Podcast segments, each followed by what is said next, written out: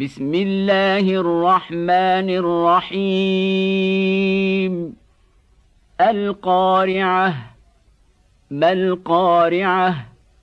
وما أدراك ما القارعة؟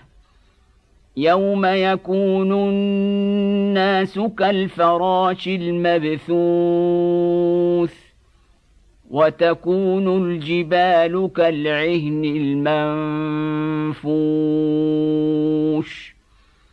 فأما من ثقلت موازينه فهو في عيشة راضية.